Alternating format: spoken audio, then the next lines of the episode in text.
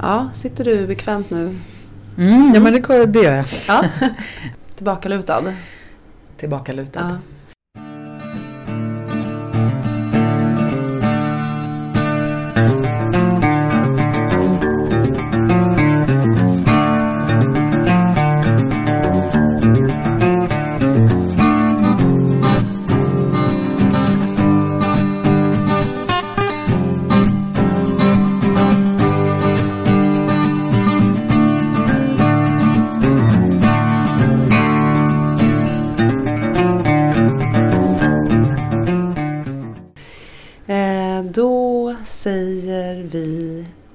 Välkomna till det åttonde avsnittet av podden som heter Präster med gäster. Med mig, Anna-Fia Trollbäck. Och mig, Rebecka Tudor. Och vi är präster i Tyresö församling som ligger strax utanför Stockholm. Eh, I Präster med gäster så bjuder vi in en gäst. Men den personen är ju sällan här ehm, i, ja, fysiskt utan det är ju någonting eller någon som vi är intresserade av och som blir samtalsämnet för det poddavsnittet helt enkelt. Ehm, så, ja det, det är knappt en vecka sedan vi spelade in eh, det förra avsnittet. Det är så. Mm. Då sa vi ju att vi ville bli bättre på att liksom göra eller komma med avsnitt lite oftare. Mm, Också för att det börjar kännas så himla roligt att ha den här möjligheten. verkligen. Ehm, men riktigt så här ofta kanske det inte kommer komma. Det kanske inte kommer komma ett avsnitt i veckan. Nej, Kanske, ja, kanske inte. vi får se. Ja, vi får se. Ja. Men, eh, men sen så började vi prata, vi pratade ju om att ehm, eftersom att, vi, att det är allhelgonahelgen nu Mm. bara om några dagar ehm, och att vi gärna ville prata om döden. Ja. Och då tänkte vi att ja, men vi kör. Mm. Vi, vi, vi snabbar på Mm. och så, och så kan vi spela in ett avsnitt innan allhelgonahelgen som handlar om just döden. Yes. Ehm, och ehm, ja, det har ju inte hänt så himla mycket tänker jag så här. Eller har, har du gjort någonting kul bara senaste helgen eller något? Ja men alltså en, en rolig sak eh, kom jag på nu eh, som jag gjorde i helgen som var. Det var jag bjuden på en middag dit jag faktiskt knappt känner personen som bjöd in till middag. Ja. Eh, och ännu mindre de andra gästerna. Eh, men det var en, en bekant som hade lagt ut på Facebook när han flyttade Mm. att eh, han så här, ja, ropar ut på Facebook att så här, är det, har, liksom, har ni möbler, blommor, tavlor, mattor? Han ville fylla sitt hem Ja, med liksom eh, vänners och bekantas gamla grejer som bara står och liksom inte kommer till användning. mm. Så det var både någon typ av så här, ja, men liten klimataktion att inte börja köpa massa nytt. Mm. Eh, men också förstås av ekonomiska skäl. Det är dyrt att flytta liksom från är en, om man har, aldrig tidigare har liksom haft riktigt ett eget hem. Sådär. Mm.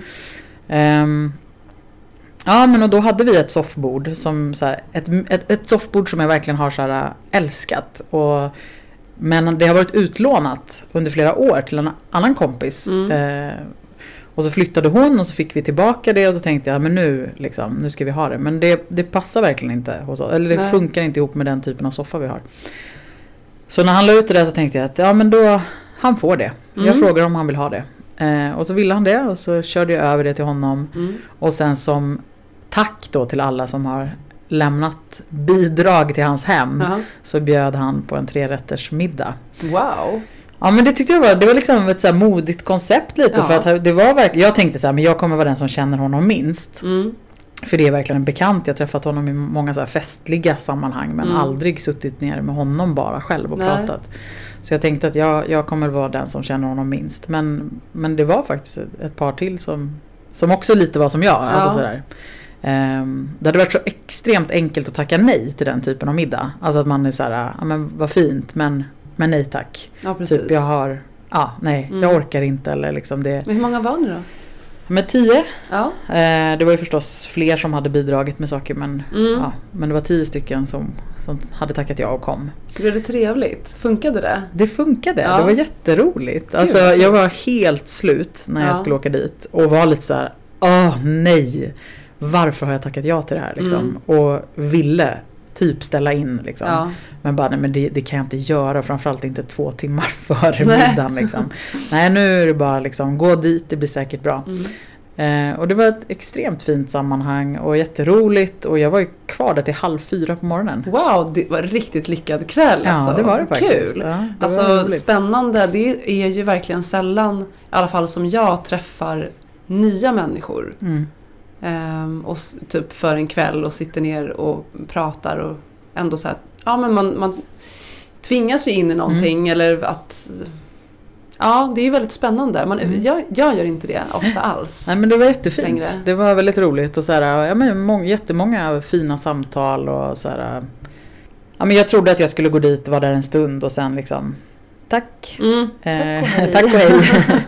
Men eh, liksom finner mig själv cyklande hem klockan halv fyra på morgonen. Gud vad kul! Ja, det var ja, jättehärligt. Wow.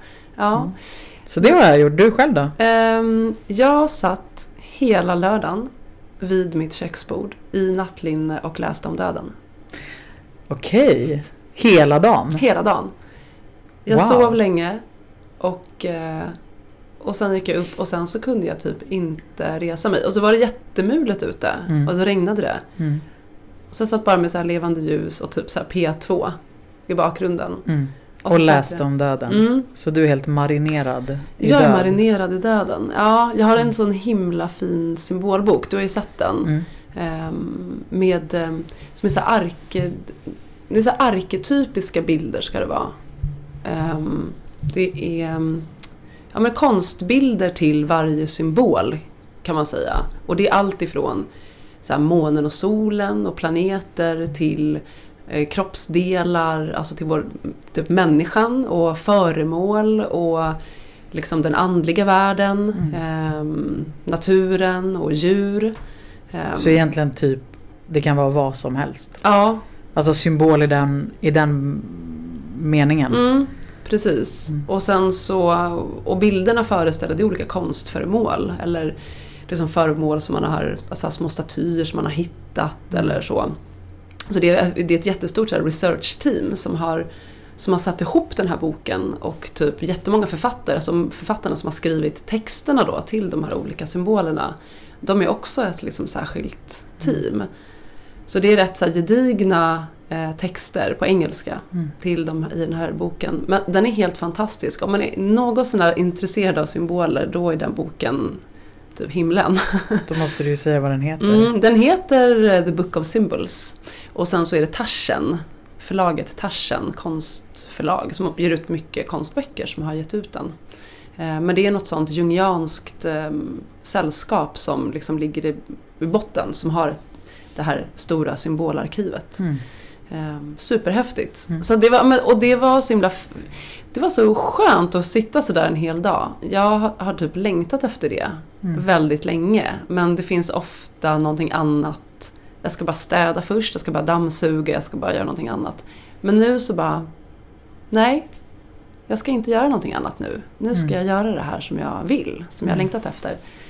Så det var väldigt härligt. Mm. Du kanske blev lite förvånad när tiden gick eller, eller trodde du att du skulle sitta så länge? Nej, det trodde jag inte. Jag bara så här, nej, varför ska jag resa mig? jag har ändå inget annat, det regnar ute, vad ska jag Ja. göra? Det var jätteskönt. Jag blir påmind om eh, Jag blev inbjuden att sitta med ett, eh, något typ av panelsamtal om Mm. döden i Huddinge kyrka. Mhm. Ty- tyvärr var jag tvungen att tacka nej för att jag ska åka till London då. Ja, men du var inbjuden nu alltså? Ja, Mm. exakt. Vi får följa den här Londonresan. jag, exakt, Ja. jag skrattar för att jag nämnde det i förra Mm. avsnittet. Men eh, Jo men och då en av de andra deltagarna i panelsamtalet Mm. Han är dödsexpert. Han är expert Wow. på döden. Men är han präst? Nej, han Nej. Är, men han är teolog. Han är teolog? Ja. Men han är också, eller är han? Jo, jag tror att han är teolog. Mm. Och så är han, kallas det något annat också. Men nu kommer inte jag riktigt ihåg Nej, har han det. något sånt där finare ja, ord? ja, exakt. Mm. Så ett finare ord för dödsexpert. Mm. Men alltså hur, hur amazing att vara expert på döden. Wow, ja, vad mäktigt. Ja. Det är så himla intressant med döden. Men vi gör så här, vi, eh, det blir lite friare det här samtalet.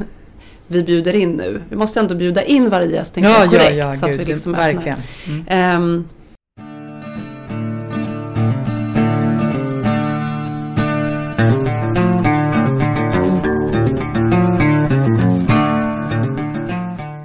Men så idag så säger vi välkommen hit till döden. Ja, jag vet inte hur man ska presentera döden mer än att vi liksom välkomnar döden in i rummet. Och man ser ju direkt filmsekvensen om när döden kommer in. Vad ser du Ingmar dig? Bergman. Ja, Den säg vad där, du ser framför dig. nej men jag ser framför mig hur, hur döden kommer... Är det... Jo men de ska spela schack förstås. Ja, just det. Mm. Och det är en strand. Det är en strand ja. Mm. Eh, men vad är den välkända repliken? Det är jag som är döden. ja, nej, jag kommer inte heller, jag kommer inte ihåg vad repliken är. Men det såg jag framför mig nu när vi bjöd in Mm. döden. Ja, men man ser ju döden, döden som en person, person eller en gestalt eller så här, Mm. ehm, som någon. Mm. Och så har ju, jag tror vi människor har liksom, det verkar som att vi människor har föreställt oss döden på det sättet. Alltså som en, att vi har personifierat döden, gjort döden till en person. Mm. Ja men alltså genom hela vår existens. Mm. Vi eh, läst pyttelite i en bok som heter Vålnadernas historia. Där så skriver han i inledningen att, ja, att man har hittat på grottmålningar som Mm. är liksom jättegamla. Har man hittat, där man har förstått att det handlar någonting om en slags gengångare eller Mm. ehm, att vi i gravar har lagt ner föremål att, eh, som vi som vill skicka med de döda. Mm. Ehm, och det är ju det är spännande för jag tänker att det är någonting så här, det är någon så här urtanke eller urkänslor eller liksom något förhållningssätt som har legat med oss som vi bär i våra gamla kroppar liksom. Mm. Mm. Sen vi, vår första existens liksom. Mm. Och det är ju spännande. Verkligen. Mm. Men det som vi nämnde och pratade lite om då, eftersom att på lördag så är det alla helgons dag och på söndag så är det alla själars dag och tillsammans så utgör ju de allhelgona helgen hos oss i Sverige. Ehm, på torsdag är det då eh, halloween, liksom riktiga halloweenkvällen. Ehm, Just det, det är alltid 31 oktober eller? Ja, Mm. precis. Ja, och vi pratade om sist att Allhelgonahelgen har liksom blivit en av våra, om inte den största kyrkliga helgen på Mm. året. Tusentals, tusentals människor som ja, men typ vallfärdar till kyrkogårdarna för att tända ljus. Ehm, eller titta på ljus som Mm. brinner. Alltså besöka kapell, gå på konserter, minnesgudstjänster. Mm. Ehm, Jag vet att jag vid något, något år när jag skulle åka till Skogskyrkogården så, så vet jag att man inte kunde kliva av. Mm. För att det var så mycket folk på perrongen. Wow. Och man har jättemycket vakter, alltså mycket så tunnelbane, Ah. liksom vakter som ser till att, så här, att man, man måste gå av, man måste gå ut liksom, Wow. ur hela tunnelbane. Hela Gud, tunnelbanan. det, är, det är några Mm. år sedan som jag var på Skogskyrkogården. Så jag men vi ska dit eh, på lördag. Mm. Eh, så då kanske jag får vara med om det där. Ja, men jobbar du helgen? Nej. Nej, jag jobbar på lördagen. På, då är det ju som en högmässogudstjänst klockan 11 på Mm. alla helgons dag. Ehm, mm. Och sen är du i Bollmora kapell. Nej, Nej. det är inte jag faktiskt. Nej, okej. Ehm, För vi har ju i alla fall, om du råkar vara bosatt i Tyresö och lyssnar till den här podden, så är ju kyrkorna öppna Ja. Mm. under helgen. Tyresö kyrka och Bollmora kapell. ja, från fredag till och med. Mm. Mm. Ehm, nej, men och så pratade vi, vi nämnde ju liksom bara sådär som hastigast att den här helgen har blivit viktig för så många och det är så många som tar sig till kyrkogårdarna och till kyrkor och kapell. Medan vårt samhälle i övrigt inte ehm, handlar någonting om döden. Vi berör aldrig döden utan snarare tvärtom att vi lever i en väldigt odödlig tid. Mm. Vi ska liksom vara unga och fräscha och starka. ehm, inte svaga. Mm. Men och att, att döden liksom är någonting som vi inte pratar om. Mm. Ehm, och jag vet att det brukar, inför helgonahelgen så brukar det också ofta i tidningar komma, ja men det brukar alltid vara liksom något reportage i de stora tidningarna om, om helgen och om Ja, ibland är det typ om så här begravningsriten eller begravningsceremonin och så brukar det vara statistik. Och man vet ju det att ceremonierna, eller där man väljer att inte ha någon ceremoni alls, de blir inte, inte så att de ökar jättemycket, men så här lite. Mm. Vad Vad, tror, ja, vad, Ja. vad tänker du kring det? Varför tror du att det är så? Jag tror att det dels har att göra med att vi inte pratar om döden. Så när det väl inträffar så har vi ingen, vi har ingen beredskap och vi tycker att det är otäckt. Mm. Jobb, alltså det är ju jobbigt. Mm. Och sen har vi inte tid. Vad tänker du? Alltså, det är så sorgligt. Ja, jag skulle Mm. precis säga det att det, det är liksom det första jag tänker att det känns så himla sorgligt och sen så i alla fall om det är sant att det är för att man inte har tid. Jag vill liksom inte tro att det är så. Men också, nej man vill inte ha någon ceremoni. Vi, vi bryr oss inte om det.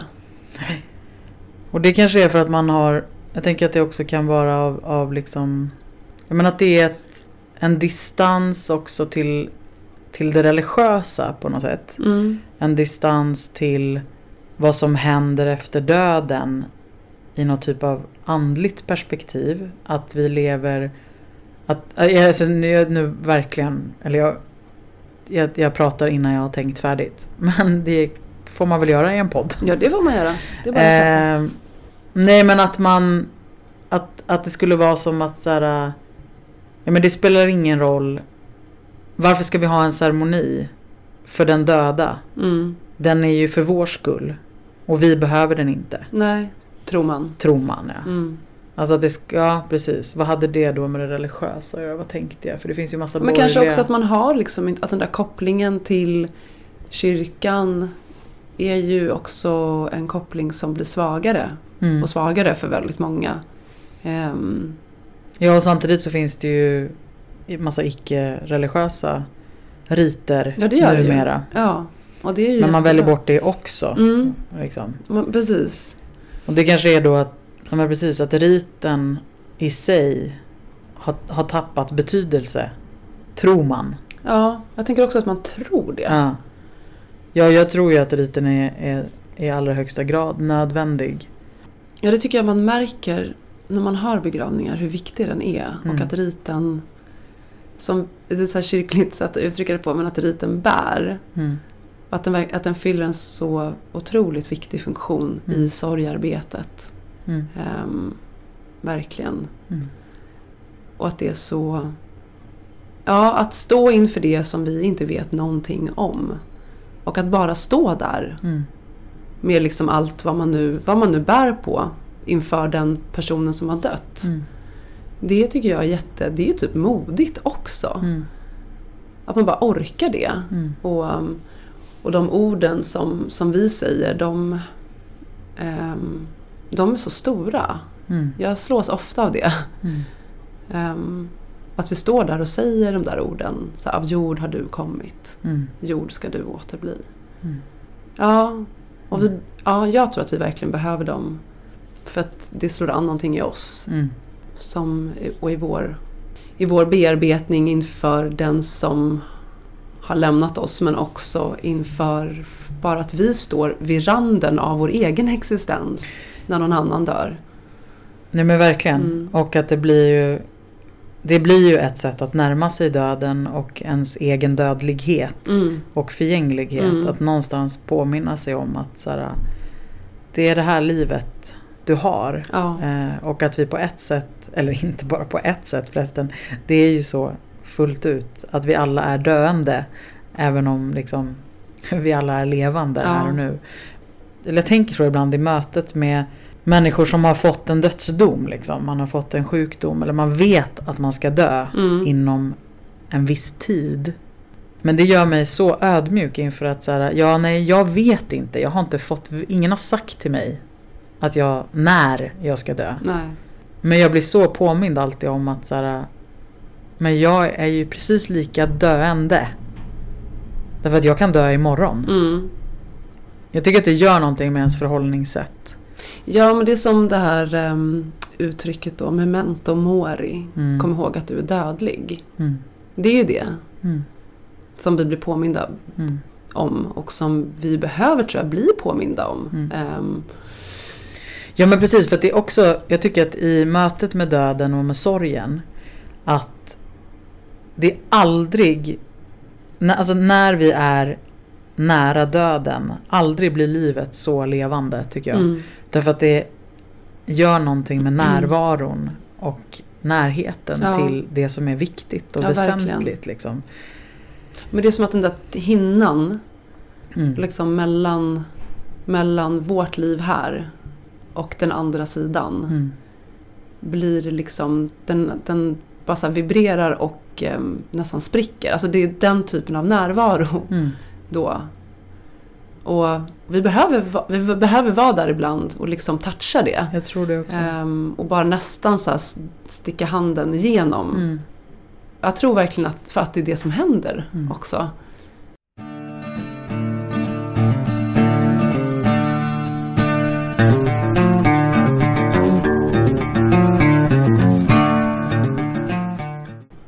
Det, det tycker jag är så fint i, ehm, men alltså i Mexiko eh, bland annat, alltså där man firar då det som heter Dia de lo- de los Muertos, eller de dödas dag Mm.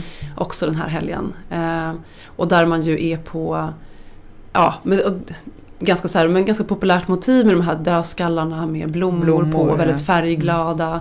Ehm, och det är mycket musik. Ehm, och man har såna här altaren hemma som då kallas för ofrendas. Där man sätter upp bilder på de döda och smyckar med blommor och man ställer fram mat.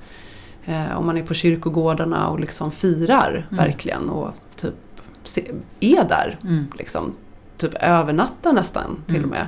Har du varit med om Mm. det någon gång? Nej, Nej. men det skulle vara väldigt häftigt att vara Mm. det. Men, ehm, men och där låter man ju verkligen den hinnan Där tänker man ju på något vis att den hinnan är upplöst Mm. under den helgen. För då är ju tanken att de döda kommer ju tillbaka Mm. och äter. Så därför man ställer fram maten, man ställer fram fotografierna för att de ska kunna komma tillbaka. Mm. eh, och gå över de dödas bro. Från döden, dödsriket då, vad man ska säga, till, Mm. till vårt liv här. Och det är liksom att verkligen leva med de döda. Mm. Jag tror att det är så eh, bra Mm. för... Alltså att det är så bra. Vi, jag tror att vi skulle behöva leva närmre Mm. de döda. Mm. Ehm, och bara sådär, alltså för det är ju på något vis att göra sig vän med döden. Mm. Ehm, som Astrid Lindgren sa att Mm. man behövde göra. Just det. Eh, leva så att man är vän med döden. Mm. Ehm, ja, det är väldigt fint. Och, um, ja, har du sett den här filmen Coco?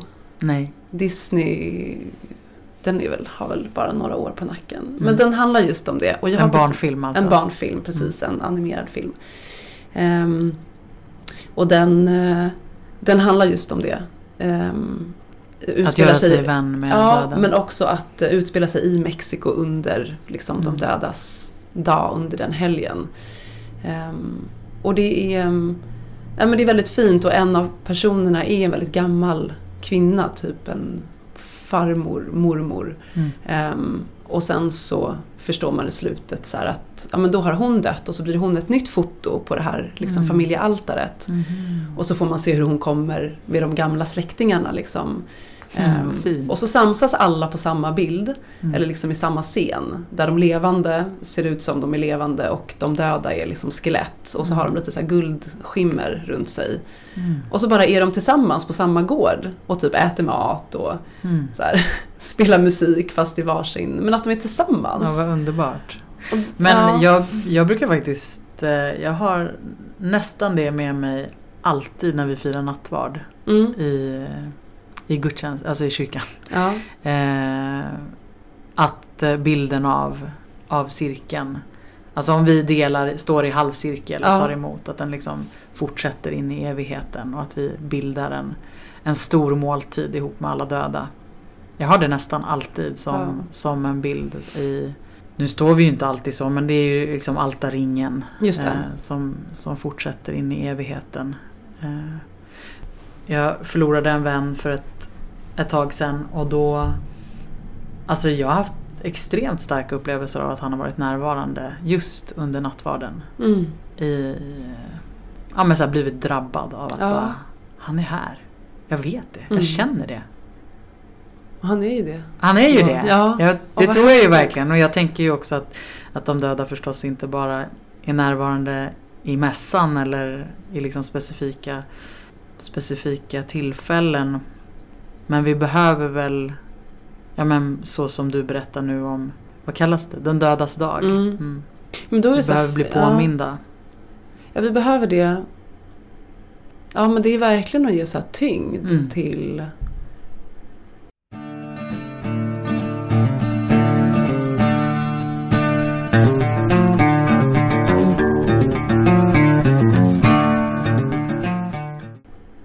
Ja, men sen så undrar jag också så här historiskt, alltså idag så lever vi ju, alltså vi har ju en jättebra sjukvård Mm. liksom. Så jag tänker, och ehm, vi lever länge, Mm.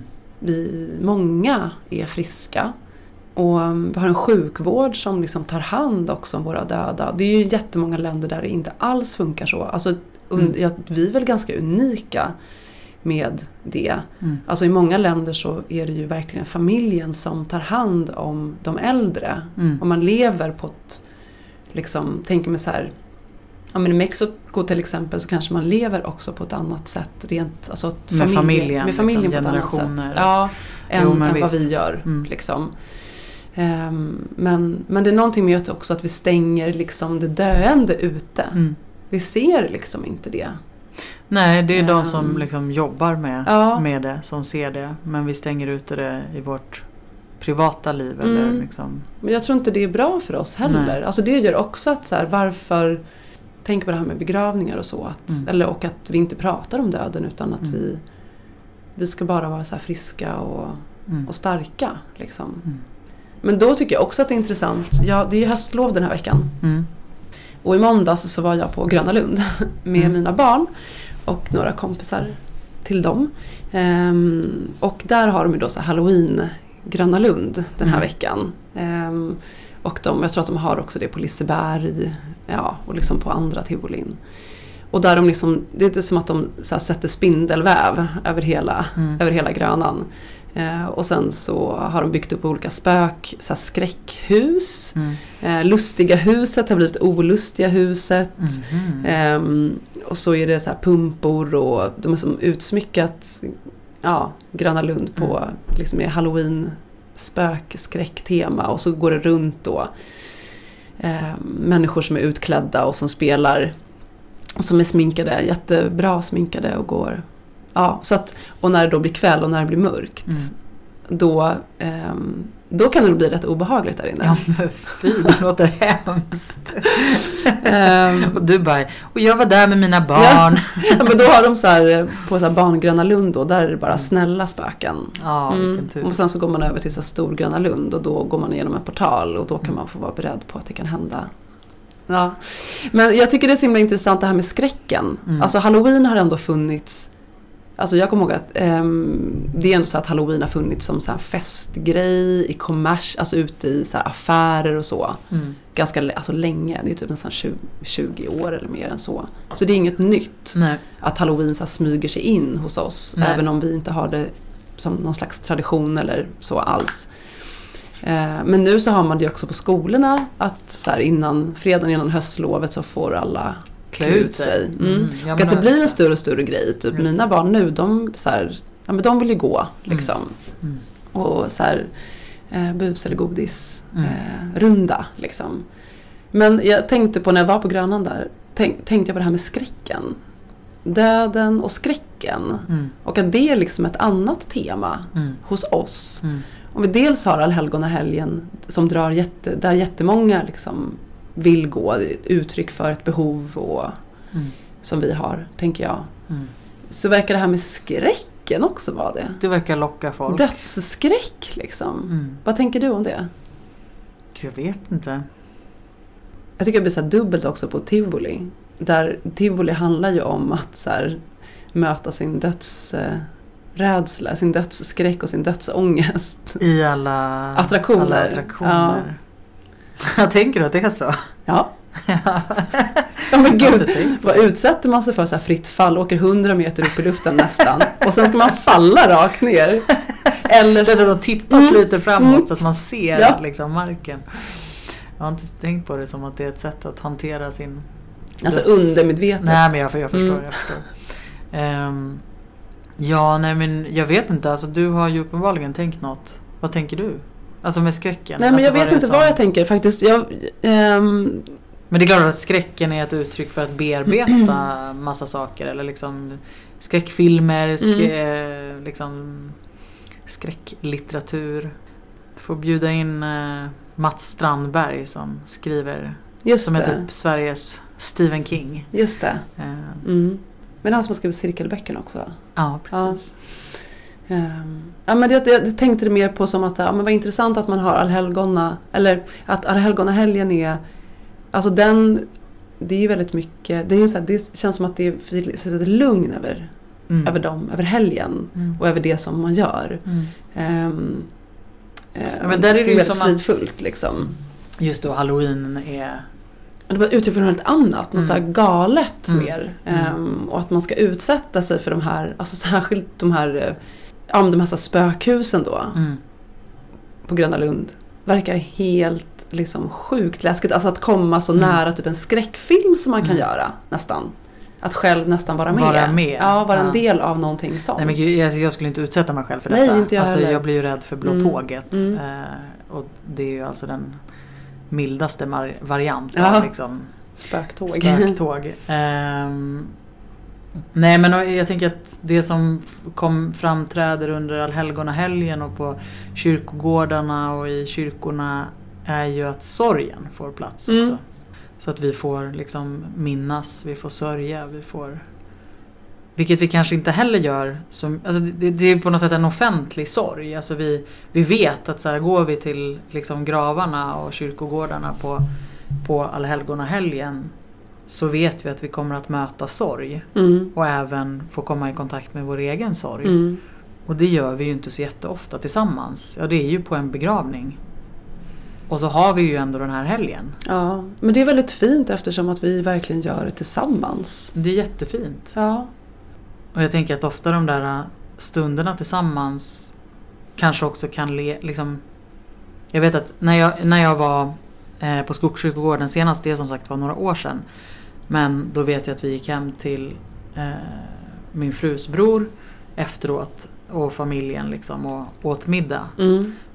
Och jag minns att samtalen blev så himla himla bra. För det var som att vi hade liksom öppnat upp någonting. Alltså Mm. någon kanal tillsammans. Liksom. Som en, en sårbarhet som vi Ja. plötsligt visade varandra. Eh, Ja, men det är fint alltså. Och det är, någonting, det är intressant eftersom att vi är så väldigt eh, själva annars. Alltså vi lever i... Vi har ett så ju väldigt individualistiskt samhälle och vi, så här, en, vi, ska, vi klarar oss själva. Mm. Eh, vi bor själva, mest Mm. själva typ i hela Mm. världen. Ehm, ska inte vara beroende av någon annan. Det är nästan fult mm, hos oss mm, att vara beroende av någon annan. Men under den här helgen så går vi kollektivt mm, med vår sorg mm, och tänder ljus. mm. Det är väldigt fint. Det är väldigt fint. Mm. Det uttrycker någonting, ett, verkligen, ja, jag sa det förut, men ett behov som vi har. Mm. Och som, jag tror att det skulle behöva mer plats dock. Mm. Men vad, för jag tror också att många erfar ju när de när man har förlorat en nära anhörig och, eller man befinner sig i sorg av någon anledning. Att, att mångas erfarenhet är att människor blir rädda liksom. Mm. Eh, och att det kanske är några få som liksom står kvar. Mm. Men att många hamnar lite i liksom periferin för Mm. att många drar sig undan. Också med någon typ av lite märklig föreställning tror jag om att man ska låta människor få vara i fred Ja, med sin sorg. Att man liksom inte ska vara framfusig eller man är rädd för att säga fel saker. Mm. Men att, att det är ju inte alls, det handlar ju väldigt lite om vad man säger. Utan att man just är där. ja, verkligen. Eh, att det är närvaron och vet att man inte är ensam. Nej men Som är exakt. viktig. Mm. Och det kanske också, om vi skulle vara mera om döden skulle vara en mer naturlig del av vårt liv, för det Mm. är ju det mest naturliga som händer. Det, vet, alltså, vi, Ja. det är ju det enda vi vet, Mm. att alla ska dö. Liksom. Det är det enda vi dessutom också vet att vi har gemensamt. Ja, Eh, så det, borde, det, kan ju så extremt enkelt förena oss människor. För att död och sorg, det drabbar oss alla. ja det liksom. gör ju det. Och om det var någonting som, vi, som, som behandlades som någonting som var en del av livet på ett, på ett mer naturligt sätt så kanske vi inte heller skulle vara så rädda när sorgen väl drabbade oss. Nej. Eller någon vän eller kollega Mm. eller jag tror verkligen inte man ska vara rädd för att närma sig den sörjande. Nej, Utan tvärtom. tvärtom ja.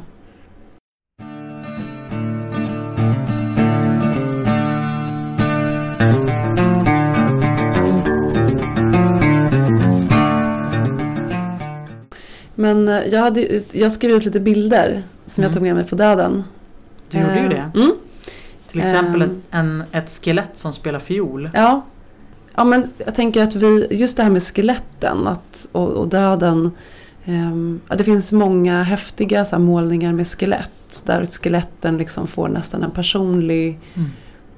man, alltså verkligen personlighet över skeletten. Att det måste också vara en så bearbetning i, alltså döden har fått den eh, gestaltningen mycket. Mm. också vår e- alltså att bearbeta också hur det faktiskt ser ut liksom, bakom vårt skinn, bakom vårt kött. Så här.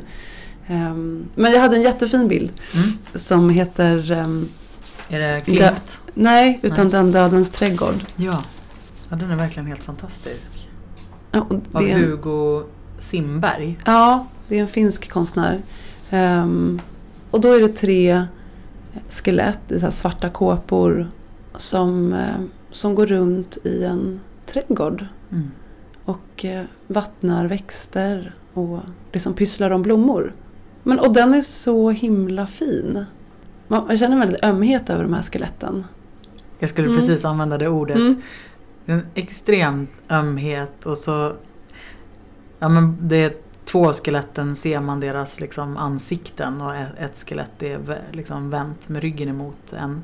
Men i de här, i ansiktena på de här skeletten, det är så mycket omsorg Mm. som liksom uttrycks fast det är ett skelett. Ja, som man tänker inte kan uttrycka nej, så exakt mycket. eftersom, nej, exakt Mm. så. Men det bara, det bara, den bara liksom strålar av så mycket värme. Alltså jag blir, Mm. när man blir liksom berörd när Ja. man ser den. Verkligen.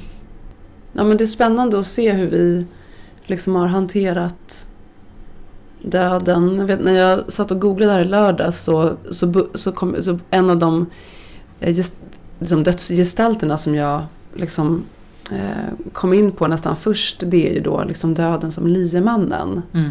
Ehm, som, med en lie då som liksom skördar ehm, de döda och ofta har ett timglas då som att han mäter ut, eller att döden mäter ut tiden för oss. Mm. Ehm, och den bilden kom ju så efter digerdöden på Mm. liksom 1300-1400-talet. Och det är verkligen, för, alltså man förstår ju det, vilket sånt otroligt trauma. Mm. Ehm, hur ska vi då tänka oss döden när alla bara dog? Mm. runt omkring. Mm. Liksom. Ehm, men sen så har vi också döden då som, ehm, alltså som den gre- Hades då. Grek, den grekiska dödsguden. Men sen så, men det tyckte jag var intressant för sen så finns det i Grekland, eller den grekiska mytologin också en dödsgud som heter typ Thanatos. Mm. Ehm, Men då är Hades då God of the Dead. Och den här Thanatos är då God of Death. Mm. Så att, och från då Thanatos så kommer då ordet eutanasi, alltså dödshjälp. Mm. Ehm, och då är det då en gud som räcker över de döda till Mm. Thanatos räcker över de döda till Hades eller till färgkaren som, som skeppar de döda över till dödsriket där Mm. Hades råder. Liksom. Ja, men jag tycker att det, det är så spännande med de här olika eh, med de olika bilderna av döden. Ja men verkligen. Hur, hur gjorde du? Googlade du döden och konst eller? Mm, ja men det gjorde jag faktiskt. Jag fick upp jätte... mm, Så här, mm, ja, men olika så konstsidor som hade som ett helt så bibliotek av liksom, bilder kring döden och Mm. ehm, i konsthistorien. Liksom. Mm. Ehm, och sen så många av de här ja, man, det här då uttrycket memento mori och liksom Mm. konsten kring så stilleben med dödsskallar och blommor och timglas och bubblor. Och, ja men där varje föremål verkligen har Just sin det. specifika symbolik. Symbol. Mm. Men sen så har vi, tänkte på han, vad heter han då, Albertus Pictor. Som har målat i Täby kyrka är det va? Ja, Mm. inte bara. Nej inte bara, men, mm. bland, annat- men det är väl där den här bilden finns när döden spelar schack. Mhm, Mm. Det kanske det är. Det är mer än vad jag Eh, vet. med en, alltså vad jag läser in i den bilden, alltså en vanlig Mm. dödlig, alltså Mm. att man spelar schack om livet. Just det. Och, den är, och där är också döden som ett skelett som Mm. sitter där och spelar schack.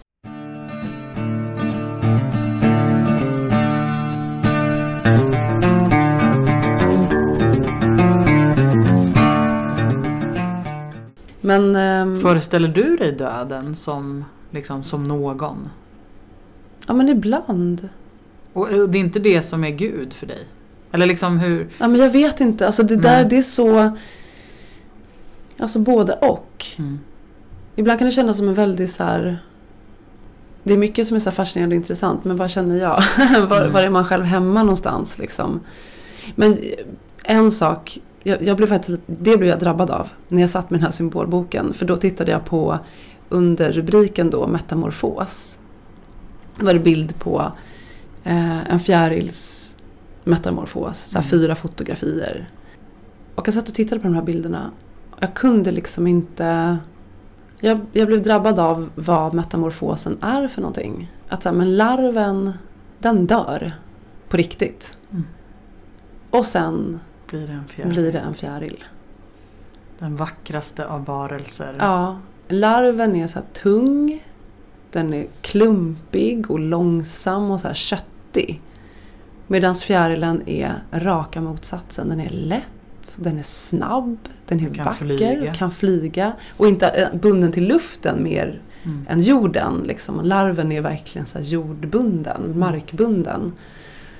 Och då tyckte jag att det blev så tydligt att så här, men tänk vad många tecken vi har i naturen Mm.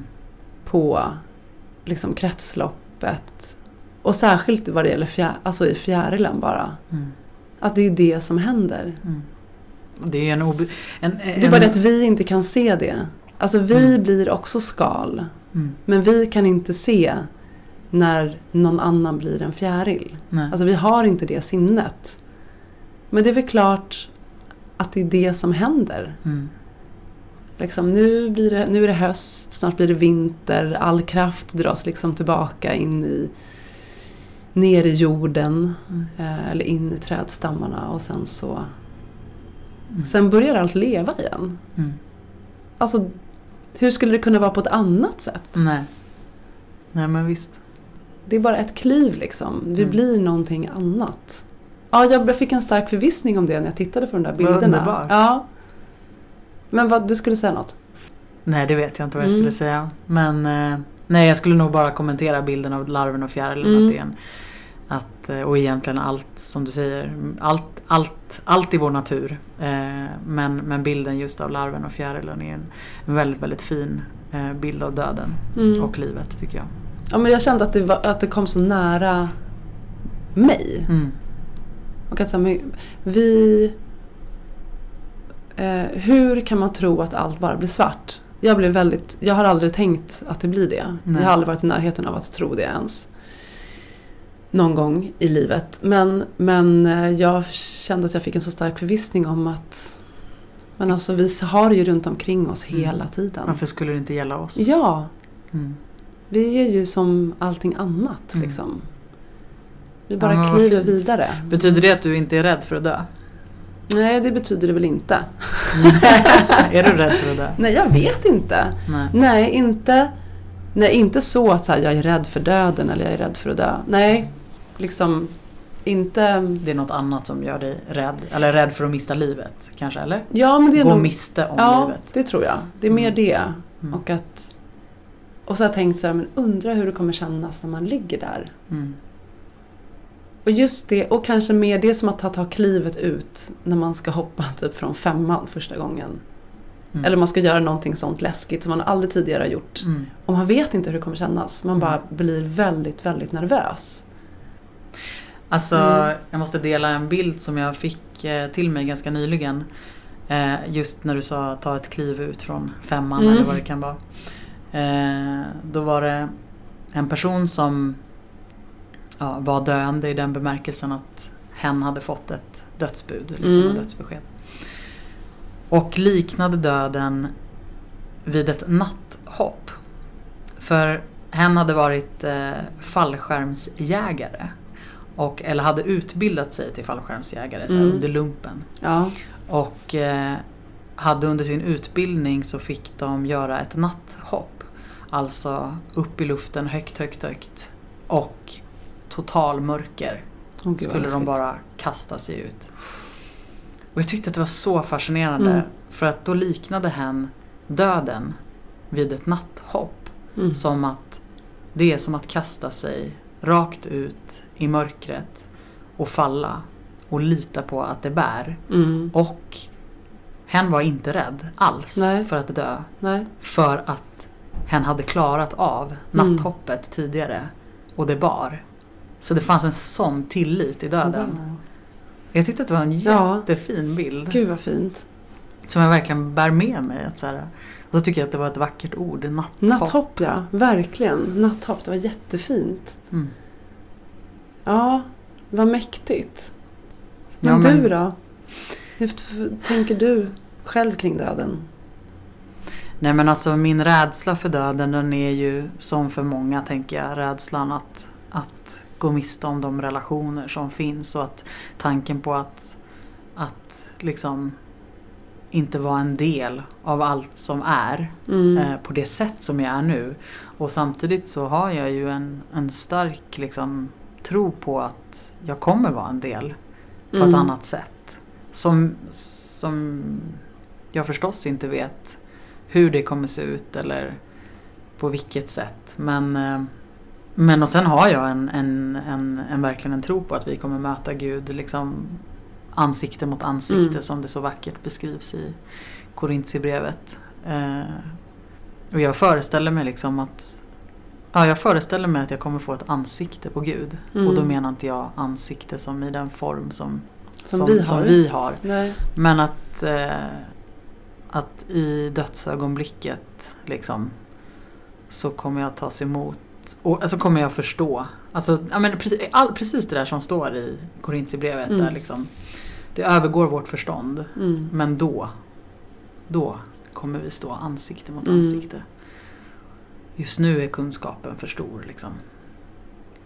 Men, eh, och jag tror att det, att det är som att man blir liksom, kommer bli genomlyst av liksom frid. Mm. Men jag har också någon jag har också en bild av att man i det ögonblicket ansikte mot ansikte så kommer vi genomgå någon typ av skärseld. Och nu använder jag det begreppet liksom, bara för att jag tycker att det är en ganska bra bild för någonting som, som inte handlar om att vi blir straffade eller Nej. någonting. Men jag har liksom en, en föreställning om att man kommer få möta sig själv, liksom sitt djupaste, sannaste jag på något Mm. sätt i mötet med Gud. Och att det också kommer göra så här, ont. Mm. För att, ja men kanske för att man inte har, ja men det är någon, någon typ av smärta liksom. Mm. Men som är liksom inte smärta som vi föreställer oss det här och nu. Nej. Men någon typ av smärta av att, att komma i kontakt med sitt djupaste jag. Den där gudsavbilden som jag liksom kanske aldrig riktigt liksom förmådde att vara. Nej, Eh, just det.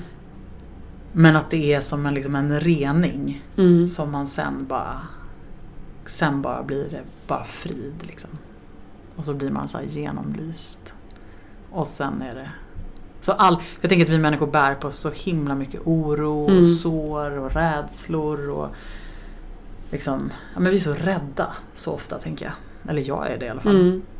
Och att det på något sätt är liksom, det är bara en kärlek som kommer igenom, alltså det är bara, det är liksom bara, det är kärleken som kommer göra ont Mm. liksom. Att förstå att så här, men varför var du så rädd? Ja. Liksom. Du behövde inte vara så rädd.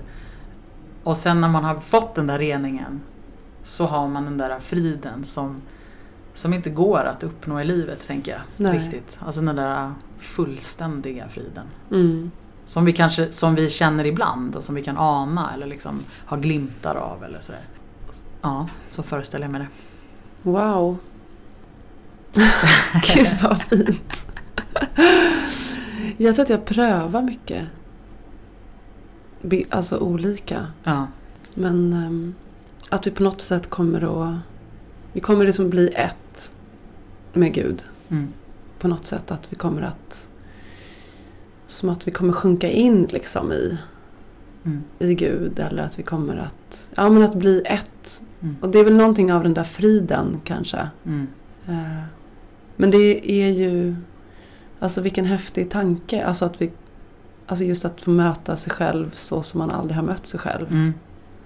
Jag vet att jag i um, griftetal som jag haft så har jag använt så väven som Mm. bild. Mm.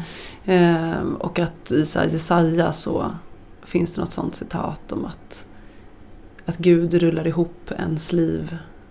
Alltså att livet är liksom att man har en livsväv och sen så när livet tar slut då så skär Gud ner varpen och liksom rullar ihop livet. Mm. Alltså som en matta. Mm. Men sen då att, att tillsammans med Gud när vi har dött rullar vi ut den här Mm. och så ser vi på hela den här bilden. Mm. Och då kommer vi också se på den med Guds ögon. Just det. Och liksom förstå på något vis. Och Mm. det tangerar väl lite det Mm. som Ja du... men det är absolut. Ja, men det, ehm, det, och det är verkligen någonting. Och inför det kan jag känna så här. Wow, och gud vad, då kommer jag ju bli, kommer jag, det kommer ju kännas då, kommer Mm. jag bli ledsen. Mm. Liksom. Mm. Så mycket som man kommer förstå om sig själv som det inte går att förstå Nej. nu. Men som man kommer kanske önska då. Mm. Men det, Nej men mm. visst och sen också det här med liksom Tänker på Det finns ju jag menar alla människor som dör utan att ha fått i vår I vår mening ett långt liv Mm. eh, Så tycker jag att det är också en, vik, jätte, det är liksom en viktig aspekt för mig om, kring döden och livet att För Gud finns ingen tid Nej. i liksom den bemärkelsen vi pratar om tid. Och då älskar jag, använder ofta det bibelcitatet i griftetal från när Jesus säger att för Gud är liksom för Gud är alla levande. Mm. För Gud finns inga döda, för alla är levande. Mm. Eh, och jag tycker att det, ja, men det gör, då, då, då inryms vi alla i liksom Guds eviga nu. Mm. Det finns liksom bara ett nu och på så vis så hör vi alla ihop. Ja. Genom tid och rum. Och vi lämnar aldrig varandra heller Nej, då. vi lämnar aldrig varandra och då har inte heller liksom vad som är ett kort och ett långt liv. Det vet vi ingenting om. Nej. Nej, vi vet ingenting om det. Därför att för Gud så, så Mm. existerar inte den typen Nej. av tid. Och det tycker jag kan men ingjuta något typ av hopp när jag liksom, ja, när människor mister livet i allt för tidigt. För Ja. så är det förstås också. Att Ja det är men precis. som, Ja, hur man ska... Ja, inför det som ju känns orättvist. Mm. Ehm, och fel Mm. framförallt. Mm. Att det inte ska hända. Men det är med Mm. vår obegränsade kunskap. Ja. Liksom. Det är med Mm. vårt, o, liksom, eller obegränsade, vårt begränsande, vår, vår, vår Jo, vi begräns- är begränsade. Vi är Ja. begränsade. Ehm, och också vår liksom, oförmåga kanske att, att förstå en annan tidsaspekt. Och samtidigt så är vi ju med om det ibland också. När vi, när vi känner att tid och rum inte existerar. Mm. Vi, liksom, vi vet ju också vad det är. När Ja. tiden står stilla på något sätt. Ja, det vet vi ju. Vi får ju de aningarna. Sen Mm. är det svårt att sätta ord på det. Men Ja. de, har man upplevt det så, Mm. så vet man ju det Mm. på något sätt.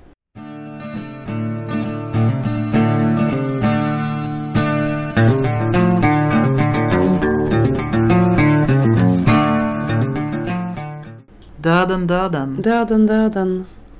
Ja, det sägs ju att Astrid Lindgren sa det varje gång hon och hennes syster skulle prata telefon. Mm. Tror jag. Döden, döden, döden. För att liksom avdramatisera. Ja. Det är döden, den är liksom där. ja, men den är ju det. Ehm. Den är ju i allra högsta grad närvarande. Ja. Men har du läst ehm, den här hanteringen av odöda av John Ajvide Lindqvist? Nej. Ehm, Det känns som att jag alltid svarar nej när du frågar så här. Har du läst den här? Har du Har du sett den här? du bara, nej. Bara, kan du inte fråga lite om jag har sett typ, Har du sett senaste avsnittet av Paradise Hotel? ja, det har jag gjort Du, absolut. du ska bara ställa de ska frågorna vi- till mig. Då kommer jag bara, nej. det var så spännande för att... Mm, nej men, eh, Det är yta och djup. Ja, precis. Nej men den handlar ju om hur en väldigt varm sommar, hur de döda vaknar till liv och eh, liksom återvänder Mm. hem typ. Ehm, och hur samhället reagerar på det. Mm. Ehm, och sen så, några års, sen så en tid efter så skrev han en novellsamling med massa olika noveller och en av de novellerna var liksom som ett extra slut till den här hanteringen av Mm. odöda Mm. som heter Sluthanteringen. Om då alltså ett antal år senare, vad hade hänt med alla de här Mm. odöda? Mm. Ehm, det är en jättebra historia, alltså det är en jättefin berättelse och han gestaltar döden ehm, på ett helt, också så här, helt magiskt sätt. Eh, som, som någon med liksom en, för mig att hon har en så här, ja men en stor liksom, ja men så svepande liksom typ klänning, men att hon kommer liksom svävande, eller hen, Mm. ja. Och att hon liksom har så krokar Mm.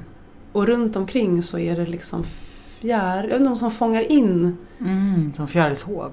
Ja, men liksom fångar in med de här krokarna. Ja, krokar. ja, och att ehm, det är för mig att det är någonting med så här fjärilar. Jag vet inte om det är så att de döda blir det. Mm. Eller om det liksom är fjärilar runt om henne. Mm. Eller ja, nu blev det en hon. Jag vet inte om hon är det i Mm. hans bok. Men, och liksom till slut då så får de här döda frid. Och döden kan liksom komma in och hämta upp alla de här själarna som ju ska vara döda Mm. som ändå har fått vara med om lite extra obehagliga saker när Mm. de var odöda. Mm. Ehm, men det var en sån varsam och otippad bild i en bok alltså som handlar om, eller ganska mycket om skräck, Mm. apropå skräck och döden. Och ja, jag vet att jag har den där med mig. Den blir, ja, nu är det jättelänge sedan jag läste så den är ganska otydlig men, men eh, jag tror att jag ska ta och läsa den där igen Mm. för att det är en sån och den kändes så här, wow, han är verkligen, ja, den är så jättevarsam och Mm. fin bild av någon som bara är liksom, typ, inte snäll, fel ord, men en väldigt, väldigt god kraft. Mm. Som är liksom en del av vårt liv. Mm. Ehm, och som man inte verkligen behöver vara rädd för. Mm. Så den kan jag rekommendera. Ja men vad fint. Mm. Nej, men, eh, vi kanske ska avsluta med rekommendationer då. Ja, Ja, nej, men jag sitter och tänker Mm. på en gammal serie. Eh, Six Feet Under. mm. Åh, Ja, men det är väl kanske en av de bästa serierna Ja. som någonsin har gjorts. absolut Alltså. bästa. Och, den, eh, ja, men den, och den berör ju döden Mm. eh, mycket genom hela eftersom den handlar om en familj som driver en, en begravningsbyrå. Eh, Ja, man får ett fall, eller liksom ett, det är ett dödsfall varje, Varje gång avsnitt. som, som följer, som man får följa liksom, Mm. så, här parallellt med familjens Det finns ingen Mm. serie tycker jag som har haft, för det är det svåraste att avsluta en serie. Jag Mm. tror att den hade sådär sex säsonger Sex, eller någonting. mm. Och det är ju det svåraste att avsluta Ja. en serie på ett snyggt sätt. Men alltså Ah. det sista avsnittet, Jag kommer ihåg det. säsong Ja. 6. Det är bland det bästa, det bästa Det är slutet. så bra slut. Ja, jag tror jag satt, jag kunde knappt andas efteråt. Det var helt matt och grät. Ja, ja. ja. jag med. Men, så det är min rekommendation. Mm. Det var ett bättre slut än, eh, minns du Tre Kronor? Kommer du ihåg hur det slutade? Det blev bara svart. Det blev bara svart, allting typ, hela, hela stan sprängdes. Vad ska vi göra? Vi spränger Vi spränger skiten. Ja, nej men vad fint att få prata om döden Anna-Fia. Ja. Eh, Ja men verkligen. Vi har ju faktiskt också förmånen att få prata mycket om döden. Mm. Ja men det, och det, Det gör någonting med en. ja det gör det. Jag tycker verkligen om det Jag också. med. Jag, jag tycker kanske allra bäst om det Ja. i arbetet som präst. Mm. Ja men jag håller med.